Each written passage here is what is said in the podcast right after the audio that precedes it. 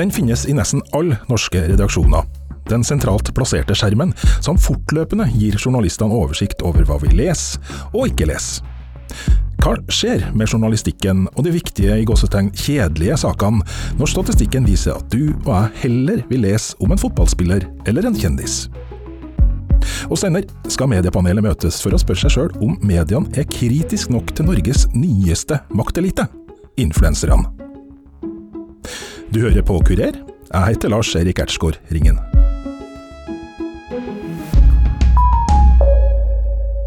Har du lagt merke til at de store nyhetssidene på nettet lager enormt mange artikler om en enkelt sak eller en enkelt person?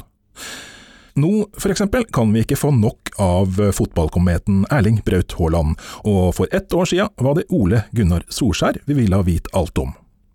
Saka om han ble så viktig at VG, Dagbladet, Aftenposten og TV 2 sendte faste reportere til Manchester. Grunnen til det her er at mediene vet godt hva vi elsker å lese om og ikke kan få nok av, og hva som er så kjedelig og uinteressant at vi ikke gidder å lese det. Og de gir oss det vi vil ha, for det tjener de penger på. Da vi i Kurer besøkte VG for en stund siden, viste sjefsredaktør Gard Steiro oss en skjerm sentralt plassert i redaksjonen med statistikk, tall og grafer, som han kaller dashbordet. Det er Solskjær på topp. Så er det det som kalles nyhetsdøgnet, altså det som er direkte i studio, der det kommer løpende meldinger. Så er det Strøm, så er det Farmen, og så er det Johannes Klæbo, og så går det nedover. Så det, det er liksom bildet akkurat nå. Og Her viser liksom hvordan man ligger an på klikk fra front, og det viser antall sidevisninger i dag. Unike brukere, spesielt på mobil. Så Sånn kan man da følge liksom hele utviklingen akkurat nå. Det er ganske detaljert der. Ja, men det skal være detaljert. Og, og dette er jo De tallene som ligger bak her, som kommer opp når man åpner verktøy, er jo enda mer detaljerte. Der kan man jo virkelig gå inn i enhver artikkel og ethvert videoklipp og se når brukerne faller av. Og, så det, dette er liksom bare det store bildet som ligger her. Og Så blåser Orsato av dette. Ole Gunnar Solskjær takker Torkel for matchen. Og det er dataen til det her dashbordet som får VG til å pøse på med saker om f.eks. Ole Gunnar Solskjær eller Erling Braut Haaland, når de vet at vi ikke får nok av dem. Det er veldig fort gjort å kanskje hente noen veldig raske, kvikke gevinster, som på en annen side kanskje vil undergrave eh, rollen til, eller troverdigheten til, eller eh, funksjonen til disse mediene. Jens Barland er instituttleder på Institutt for kommunikasjon ved Høgskolen Kristiania i Oslo, og er med i et forskningsprosjekt som bl.a. ser på hvordan statistikken på slike skjermer påvirker journalistikken. Statistikken avisene samler om våre lesevaner, bruker dem til å gjøre oss til trofaste lesere og betalende, langvarige kunder. Men vi skal ikke langt tilbake i tid for å finne en helt annen virkelighet. Jeg husker da jeg selv jobba i Dagbladet for 25 år siden. En gang i uka så kom det et oppslag på veggen på et papir som viste hva hver dag forrige uke hadde solgt. Pga. at alt nå er digitalisert og består av datahøsting i realtid, så får du altså øyeblikksinformasjon. Du publiserer en sak, du ser umiddelbart hvor mye trafikk den gir. Det er faktisk noen som trekker det så langt som å si at når du har den type måleinstrument på jobben din, så blir det nesten som å spille et dataspill. Du får umiddelbar respons, og, og, og det kan virke veldig motiverende på det det motiverer deg til å gjøre. Og det er da kunsten består i for disse lederne å motivere journalistene eh, på riktig måte. Kjersti Fiksenes, som er tillitsvalgt i Adresseavisen, forteller hvordan de statistikkskjermene de har i sin redaksjon påvirker journalistene som jobber der. Det er noen som, eh, som syns at uh, klikkmaset og klikkhysteriet er, er altfor dominerende. Og så er det andre igjen som trigges voldsomt av tallene, og som sjøl går inn og oppsøke tallene som, som, hører til deres sak. ikke sant, Ser, Blir den lest? Nei, ikke godt nok. Ok, da kan jeg tweake litt på, på tittel og ingress, eller kanskje må jeg gjøre noe med vinklinga, eller kanskje må jeg skifte et bilde, eller, eller, uh, eller sånn. Altså bruke det aktivt da, for å forbedre sin sak, sant? for å nå flere lesere, og dermed nå ut også med saken bredere. Så du har liksom hele spekteret fra dem som, eh, som lever på tallene, eh, til dem som syns at, at det er en plage. Og hvordan påvirker skjermen Kjersti Fiksenes sjøl? Man blir jo litt trigga av det. Jeg blir trigga av det. Jeg syns at det er interessant å se om, om jeg treffer, og hvis jeg ikke treffer, hvis jeg da endre litt på inngangen om, om hva det gjør da med lesinga. Det er jo, det er jo spennende òg. Digitaliseringa av mediene fører altså til at redaksjonene hører mer på hva du og jeg vil ha og ikke ha. Instituttleder og medieforsker Jens Barland fra Høgskolen i Kristiania forteller at det for så vidt ikke er noe nytt det er sånn at det er jo ingenting som er nytt. Alt har en forhistorie. Vi har jo fortellinger om aviser som startet opp på 1800-tallet, hvor redaktøren hadde et imperativ at hvis du lurer på hva du skal skrive, hva som engasjerer folk, så skal du bare gå ut i gatene og lytte på hva folk snakker om, så vet du hva du skal skrive om. Så, så, helt fra journalistikken og avisenes opprinnelse, som har vært veldig orientert mot å gi folk det som engasjerer, som de vil ha, som de er interessert i. Så den type styring er jo veldig godt etablert i mediene.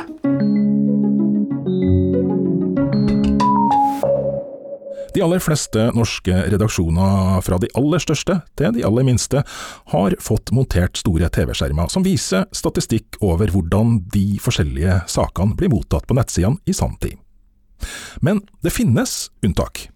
Eh, vi har jo ikke noen skjerm noe sted. Eh, vi har skjermer hver for oss som vi skriver inn i, men noen sånn oversikt over nettaktivitet og sånt har vi ikke hengende noe sted. Så sånn sett lager vel vi en ganske gammeldags, eller avis på gamlemåten. Mari Skurdal er ansvarlig redaktør i Klassekampen, som har valgt å gå imot strømmen. Mens de andre store redaksjonene fortløpende oppdaterer sine nettaviser og justerer på sakene sine, tenker Klassekampen annerledes. Eh, men her hos oss så har vi hatt en, et ønske om å på en måte videreforedle og utvikle et hovedprodukt i døgnet. Og det gjør eh, at vi har kunnet fokusere på en måte på det som vi i hovedsak driver med, nemlig å velge ut uh, saker ut fra vår egen erfaring og overbevisning om hva som er viktigst akkurat nå, og at vi ikke ser oss på en måte blinde på, uh, på, på hva som går godt på nett, f.eks., eller uh, kan endre på artikler i løpet av dagen, altså alt sånne ting. Vi har én døgnutgave fortsatt. Eh, og det, du kan jo si da at vi er gammeldagse, eller vi ikke følger med i tida og, og, klarer å tilpasse oss ny lesning, men enn så lenge så har i hvert fall vår strategi vært god for oss. Vi vokser fortsatt, og, og det virker som om leserne også setter pris på den døgnutgaven eh, som vi da lager fortsatt. Oppslagstallene til Klassekampen viser at Mari Skurdal har rett. Det å bevisst velge å ikke la seg påvirke av statistikk fungerer for dem. Sist år hadde avisa for første gang over 30 000 abonnenter. Den ansvarlige redaktøren for Klassekampen mener at eh, redaktørkollegaer som lar seg styre for mye av statistikken, gjør en alvorlig tabbe. Men det er klart at hvis du gjør det, da har du jo gitt fra deg redaktøransvaret til eh, en datamaskin. som gjør utvalg ut ifra eh, hva som fungerer, hva som er mye lest, hva som klikkes mye på. Og eh, det er en stor omlegging i så fall av måten vi lager og styrer medier på. Som vi ikke helt overskuer konsekvensen av, og som jeg mener er, ikke er til det bedre. Fordi hvem har da ansvaret for hva som ligger på topp, eller blir delt, eller skrives til slutt? Hva tenker Jens Barland om dem som er redd for at redaksjonene gir fra seg makt, når statistikker og algoritmer får være med på å bestemme hva som kommer i avisa? De har et godt poeng. Men det er ikke sikkert de, de, behøver å få helt rett. Men det som er det gode poenget deres, er at de påpeker uh, en risiko at eh, hvis redaktørene bare overlater dette til teknologerne eller markedsførere som bare vil styre på grunnlag av tallene, så kan det gå veldig galt. Da kan det ende at man skaper noe som gir masse engasjement, og som undergraver tilliten til det redaksjonelle arbeidet. Utfordringen til disse redaktørene er å faktisk ta initiativ og holdt på å si, ta litt makt over algoritmene, eh, heve røsten og, og, og, og være litt tydelig på hvordan de som redaktør mener at algoritmene skal jobbe, hvilke saker de skal plukke, at de skal plukke saker på grunnlag av at dette mediet har sagt at vi ønsker at de og de sakene skal plukkes fram, og at ikke algoritmene bare skal jobbe på grunnlag av popularitetsstatistikker. Så jeg vil si ja, de har et poeng, men redaktørene har her en stor utfordring med, med hvordan de skal også bli da redaktører over algoritmene. Frøy Gudbrandsen er redaktør i Bergens Tidende. Føler hun at redaktørene gir fra seg makt? Nei, vi gjør ikke det, altså. Eh, vi har eh, Jeg er nok eh, like mye redaktør som eh, redaktørene før meg har vært. Eh, vi bruker både statistikk og eh, algoritmer til å gi oss eh, mer informasjon om hva leserne våre liker, og hva de har behov for. Men det er vi som bestemmer, akkurat like mye som før, hva som publiseres. Så det Jeg er nok ikke noe mindre redaktør etter at vi begynte å ta i bruk algoritmer. For å se hva som skjer når statistikk og avanserte algoritmer får bestemme alt, trenger vi ikke å gå langt. Sosiale medier, annet Facebook, blir styrt på den måten, forteller Jens Barland. Facebook ønsker å skape god stemning og få deg til å bruke dem lenge mye, mest mulig. Strekke ut tidsbruken, fordi det er kvant, eh, masse kvantitet i tid så, som de lever av.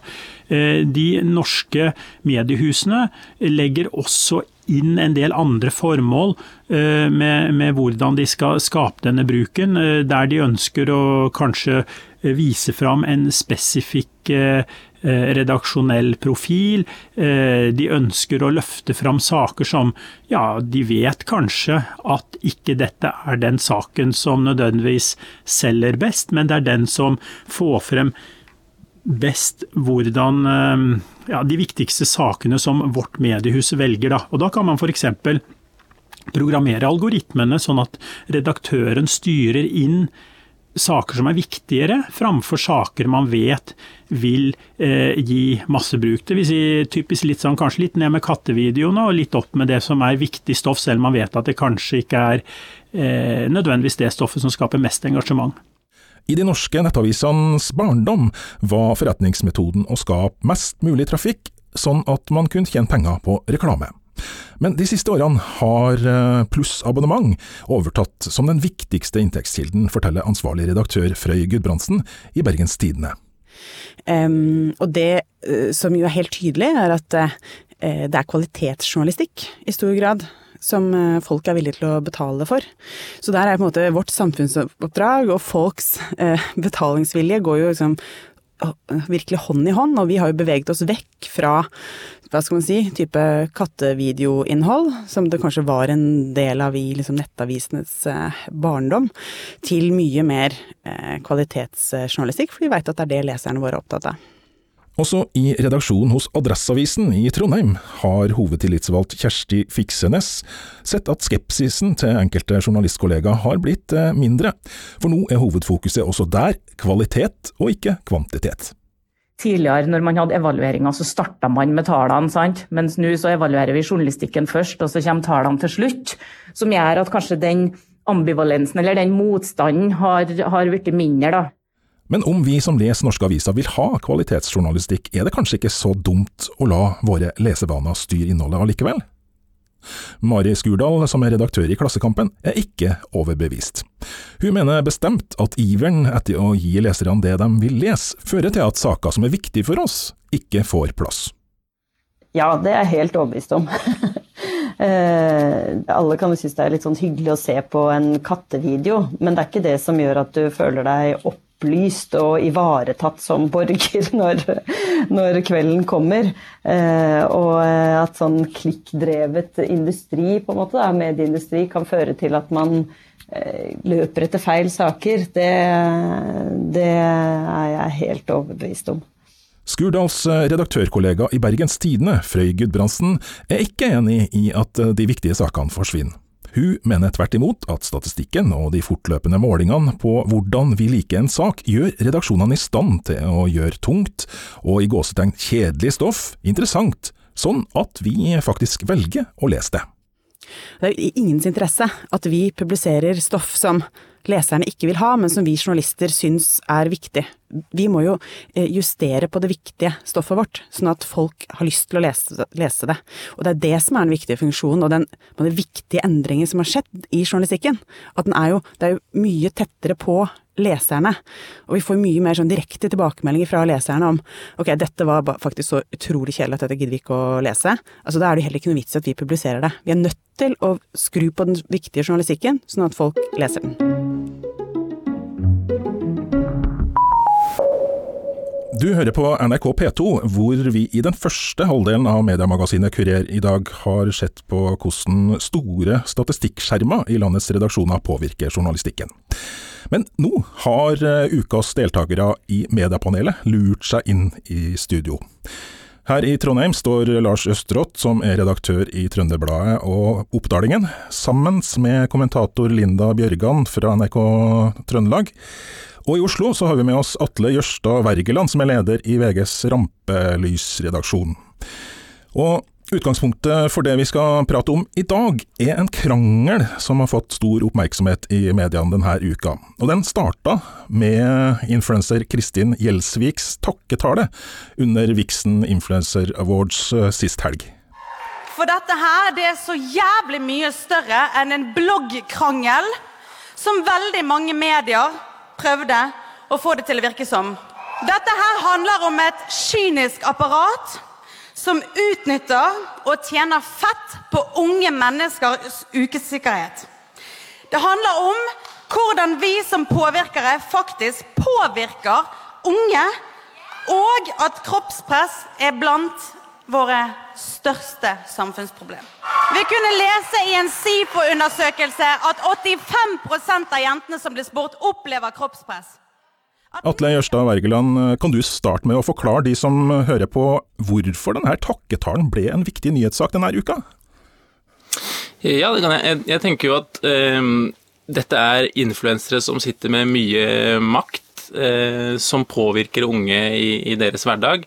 Eh, og Derfor så blir det jo, når en av de største av dem, Kristin Gjelsvik, går ut mot en annen av dem, eh, Sofie Elise, som kanskje er den aller største, så blir det naturlig nok oppmerksomhet rundt det. Det er jo også en eh, konfliktlinje her som trekker seg tilbake omtrent et år fra, fra da Gjelsvik gikk gjennom dette her eh, tidligere en gang. Eh, og så er det jo fra henne en utfordring til hele bransjen, så hun prøver på en måte å ta med seg hele bransjen som helhet. Og, og, det vi vet er jo at de påvirker disse unge, det er viktig for dem. Kroppspress er jo ikke bare forbeholdt influensere og, og dytte på dagens unge. Så det er en tematikk som er viktig, med folk som er viktige for spesielt de unge. da. Hvor viktige er influenserne for dere i VG og Rampelys? Jeg tenker at det er veldig viktig. Jeg tenker at vi skal være en avis for alle, også for de unge. Og influensere er i dag en viktig del av unges hverdag. Og det å klare å ta den bransjen på alvor, det å klare å ta de unge på alvor, det å klare å eh, ta denne nye formen for kommunikasjon på alvor, mener jeg, mener jeg er veldig viktig. Ja, for det her er en maktelite? Ja, absolutt. De har masse makt, og de har en egen form for makt, fordi det er på en måte en ufiltrert form for kommunikasjon med sine følgere. Om du har en halv million følgere og snakker direkte til dem, så er det klart at du har mulighet til å utøve ekstremt mye makt, eh, om det er på Instagram, om det er på YouTube, om det er på bloggen din. Eh, det, det ser vi jo, altså du, du kan fremstille for ting på den måten du vil, eh, og i det så ligger det ekstremt mye makt, og vi ser også at mange av dem er sponsa, har kommersielle aktører i, i ryggen, og de er jo et yndet, en yndet yndet markedsføringskanal også, så um, det ligger masse her. Linda Bjørgan, hvor viktig er det å være kritisk til denne makteliten? Ja, det er like viktig å være kritisk til denne makteliten som til alle andre makteliter. Og vi ser jo i samfunnet i dag en, en, tendens til at det er en annen form for kommunikasjon enn det de etablerte mediene har. Eh, og det foregår da en, en kommunikasjon direkte med, med, mellom folk, uten at de her plagsomme journalistene kommer og stiller sine kritiske spørsmål. Derfor er det kjempeviktig at vi faktisk er på den arenaen og hjelper til med det, for vi har tross alt et sett med etiske regler og eh, et annet kritisk utgangspunkt i det vi holder på med. Så vi, skal, vi er nødt til å forholde oss eh, til det. Atle, hvor gode er dere i VG og Rampelys til å være kritisk? Eh, jeg tenker at vi er ganske gode og kunne vært mye bedre. For det, er, det er klart det er mange utfordringer med det å være kritisk her. For ofte også så det er sant når eh, når vi driver med kritisk journalistikk, så har vi litt mer håndgripelige størrelser. Eh, mens i de bloggerne, influenserne, så handler det jo gjerne om eh, eh, altså, det er mener, det blir veldig sånn meningsdrevet. Du mener at det er sånn. Du mener her at eh, det Sofie Elise gjør, eller det TV 2 viser fram, eh, er med å drive kroppspresset. Du har ikke de konkrete tiltalene, rapportene forskningen som eh, viser sånn og sånn, eh, som gjør det på en måte litt sånn mer uangripelig. Og så tror jeg også det er en utfordring for oss det å klare å forstå helt eh, rekkevidden av det det er på en måte noe annet enn den måten vi er vant til å jobbe med. I tillegg til at du har veldig mye av disse private strukturene. sant? Eh, det er private aktører som markedsfører seg via andre private aktører, som disse bloggerne jo er. I, motsetning til offentlige aktører som er veldig lite inne på dette markedet her, hvor du har mer innsyn, du har på en måte flere muligheter til å komme deg inn i den kritiske journalistikken. da. Hvordan reagerer bloggere på kritiske spørsmål eh, erfaringsmessig? Erfaringsmessig å legge ut et blogginnlegg eller en Instagram-post eh, gjennom sine egne kanaler. Eventuelt med en, eh, med en, tilsvarende post hvor de reagerer på vinkling eller på hvor kjipe eh, personangripende vi i, i VG er. Ja, Linda og, og Lars, det her er kanskje litt av problemet. At mediene er avhengig av bloggerne, mens bloggerne ikke er avhengig av mediene. Da vi så jo da Gjelsvik tok et oppgjør med Elise Sofie her, eh, at eh, hun, hun laga jo en, eh, en, slags forestilling om at det var medieskapt bloggerkrig. De prøver jo også å spille opp til at det faktisk er media som er problemet her, og som da skaper en konflikt som ikke er der. Men den konflikten er jo ganske reell, og det er jo derfor at det har blitt en mediesak òg. Og så er det jo at den konflikten i seg sjøl gir jo dem større oppmerksomhet og et større publikum. Sånn at uh, Nå tror ikke at nødvendigvis det er utslagsgivende her, men, men, det er jo noe som, som, vi må tenke på, at vi er med på å gi dem et større publikum, da. Ak akkurat i den, i den, konkrete saken her så ville jo ikke Sofie Elise stille opp på Debatten i NRK, der stilte faren hennes opp, mens hun skrev jo en kronikk eh, som var på en måte hennes svar til den eh, debatten. Eh, så valgte jo vi å publisere den kronikken, men det var jo ikke uten diskusjon hos oss heller, for eh, der kommer hun på en måte med sin versjon uten alle de kritiske spørsmålene, uten at det blir nyansert av noen, av en journalist eller en moderator eller Fredrik Solvang som eh, på sitt sedvanlige vis stiller, stiller folk til veggs. Hvordan eh, skal dere håndtere det her, da? Jeg tenker at vi må, vi må, inn, vi må inn og dytte, vi må inn og pushe. Og så tenker jeg det, den beste måten å håndtere det på, altså det at folk ikke svarer på, er å vise fram spørsmålene de ikke svarer på. Eh, gjøre det synlig. Og så er det som er liksom utfordringa her, er når er det nok eh, nok kritikk, nok substans til at det er verdt å skrive en sak hvor folk ikke svarer. Og da er vi litt tilbake på den der igjen eh, Er det noe mer enn bare liksom meninger som kastes frem og tilbake? Eh, så det er liksom litt av den kjernen her. Men det å vise fram hva de ikke vil svare på, hva de ikke vil eh, vise fram selv, mener jeg er på en måte relevant å gjøre. Dette her er jo på mange måter en målgruppe som de tradisjonelle mediene ikke når. Eh, derfor så vil vi jo gjerne ha det der eh, bloggerne litt på vår eh, side òg, sånn at vi faktisk kan bruke den kompetansen og det nettverket de har for å nå ut med kanskje litt andre ting. Så det er sånn, det er sånn dobbeltsidig her, for, for da, da, vil jo Vi har jo en litt sånn edel tanke om at hvis at vi henger oss litt på dem, så vil de som sitter og tar imot innholdet deres, også kanskje få litt annet seriøst innhold fra VG, fra NRK fra Adresseavisa, fra, fra Trønderbladet, hvis vi bare liksom, sørger for at de får det. Jeg er litt usikker på om vi oppnår det vi håper vi skal oppnå med akkurat det, men det er viktig at vi er på den arenaen fordi de har en så stor innflytelse. Jeg har lyst til å legge til det du nobel tanke. og klart at Vi er jo opptatt av influenserne fordi at de når en målgruppe som vi ikke når, i hvert fall ikke i samme graden. sånn at vi bruker jo dem også i media til å nå ut, eh, til å skaffe oss et større publikum. Mm. Du Atle, eh, da vi prata sammen før vi gikk i studio, så nevnte du en grensegang som er vanskelig i forhold til, til denne type maktmennesker. Eh, som vi også fikk demonstrert denne uka. Hvilke grenser snakker vi om da? Jeg tenker at eh, det at de så aktivt bruker seg sjøl, altså i hele sitt virke, samtidig som de er et, en bedrift, eh, Sofie Elise Haug AS, gjør at det er veldig lett å gjemme seg bak det at eh, all kritikk er et personangrep. Og det er ekstremt vanskelig å, skille, sant? og det gjelder for så vidt artister også. Altså, er du en artist, hvor går grensa mellom eh, når du profilerer deg i sosiale medier, og når blir du på en måte den bedriften som prøver å tjene penger på det? Hvor går skillet mellom Sofie Elise som person og bedriften som prøver å tjene penger? Eller Kristin Gjelsvik, for den, den saks skyld.